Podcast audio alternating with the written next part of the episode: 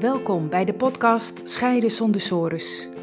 Ik ben Annewieke van der Boom en ik begeleid mensen die op het punt staan te scheiden en bang zijn voor een financieel drama, verlies van contact met je kinderen en eindeloze discussies met hun partner naar een nieuwe situatie waarin je meer quality time hebt met je kinderen, weer respectvol en ontspannen met je partner kunt communiceren en weer financiële duidelijkheid hebt. In deze podcast geef ik je informatie, tips en achtergronden die jou kunnen helpen goed door je scheiding heen te komen, met als resultaat weer plezier en energie om verder te gaan met je toekomst, voor jezelf en voor je kinderen. Dat is Scheiden zonder sores.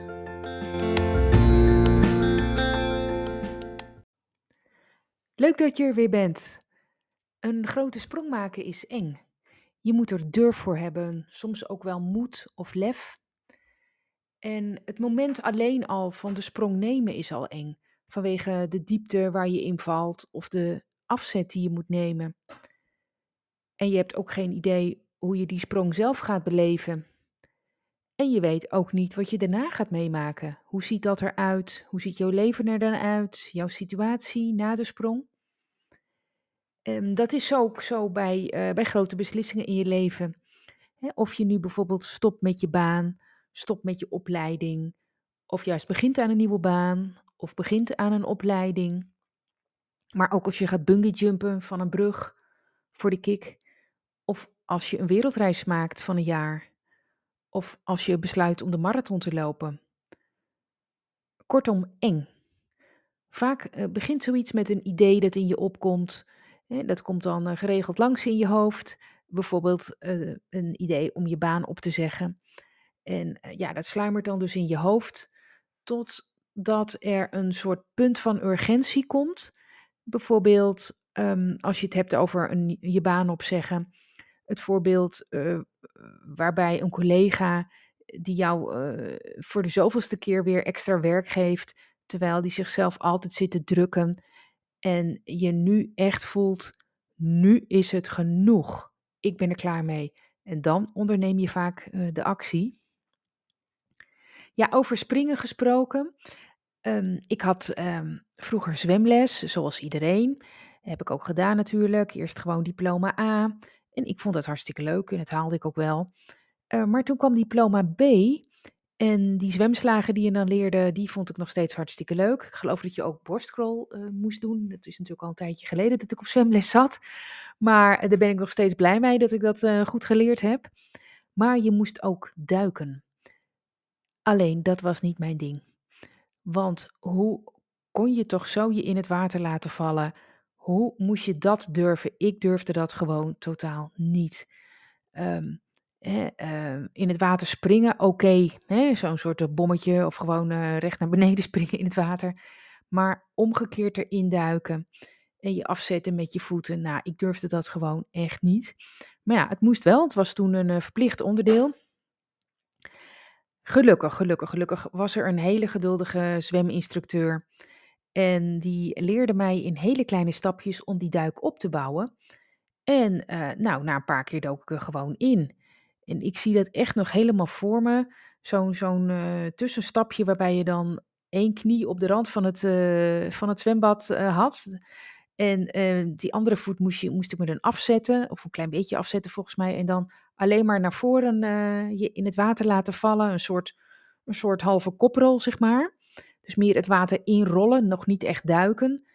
En, en nou ja, dat lukte dan wel. En dat ja, dat was dan echt gewoon fijn. Uh, van, oh ja, dit lukt. Nou, oké, weer een stapje verder. Moest je andere voeten bij of zo, dat weet ik niet meer precies. Ik weet in ieder geval nog wel dat het uiteindelijk wel lukte.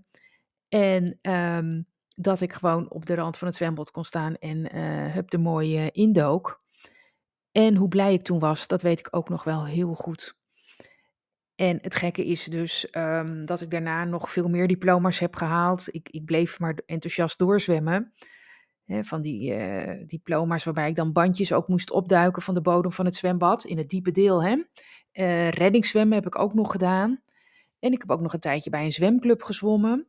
En nog steeds ben ik dol op zwemmen en uh, ik kan nog steeds duiken. ja. Oké, nou ja, wat wil ik hier allemaal mee zeggen? Ja, dit is eigenlijk een voorbeeld om te laten zien um, hoe blij ik ben dat ik zo goed les heb gehad en toch dat duiken heb geleerd. Anders had ik toch wel een soort van uh, zwemtraumaatje kunnen oplopen. of was ik gestopt met het uh, idee in mijn hoofd van, nou, ik ben dus geen zwemmer. Ik kan beter uh, een andere sport gaan doen. Terwijl ik nu enthousiast verder ben gegaan en het ook echt een sport is die wel bij mij paste. Ja, zo belangrijk is het eigenlijk dat je op bepaalde momenten in je leven een goede zweminstructeur hebt, of een goede leraar, of een vader of moeder die eh, goed doet wat hij uh, moet doen, of een uh, coach te hebben die je net even een setje in de rug geeft, zodat je daarna zelf weer verder kunt. Ja, en een scheiding is ook zo'n enorme sprong in het diepe. Hoe ga je dat ervaren? Geen idee. Hoe ziet je leven er daarna uit? Geen idee. Allemaal vraagtekens en onzekerheden. Je ziet waarschijnlijk wel mensen in je omgeving die gescheiden zijn. En um, daar kun je ook wel een zekere zin in inleven. Maar ja, daar ben je toch een buitenstaander voor. Nu maak je het zelf mee. Je voelt zelf echt hoe het is. Het gaat, alleen, het gaat echt over jou. En um, ja, als je te lang rondloopt en geen besluit neemt, dan, dan wordt de angst om een stap te nemen vaak alleen maar groter en blijf je daarin hangen. Ja, en hoe zou het zijn als je begeleiding krijgt om die stappen te nemen? Hoe zou het zijn als dat een ervaren mediator is die met je meekijkt en je helpt, zodat je die sprong toch kunt nemen? Ik hoor van klanten vaak dat ze het in het begin echt eng vonden om de stap te nemen om mediation te gaan starten. Juist vanwege die onzekerheden van wat ga ik allemaal tegenkomen, hoe gaat mijn ex reageren, zal het niet enorme ruzie worden en gaat dit ons ooit lukken? Maar dat ze aan het einde van het traject heel blij zijn dat ze die stap hebben genomen om mediation te starten. Want ze ervaren nu een rust en een helderheid in hun hoofd. Uh, rust over de financiën, um, duidelijkheid over het wonen, rust over de kinderen. En dan valt er echt een enorme last van hun schouders af. Kijk jij ernaar uit? Zo ja, bel me even als je een vraag hebt of mail me ook goed.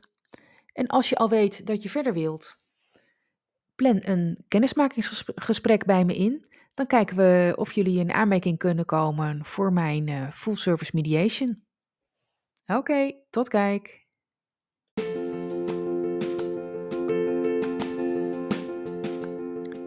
Leuk dat je hebt geluisterd naar deze aflevering. Ben je benieuwd naar meer? Abonneer je dan op deze podcast. Dat kun je doen door bij Apple Podcast op het plusteken rechtsboven te klikken en dan zie je volgen. Bij Spotify door linksboven op volgen te klikken. Wil je meer weten over mijn full service mediation? Bekijk dan mijn gratis video, waarvoor je je kunt aanmelden via mijn website annewiekebemiddeld.nl. Tot de volgende aflevering.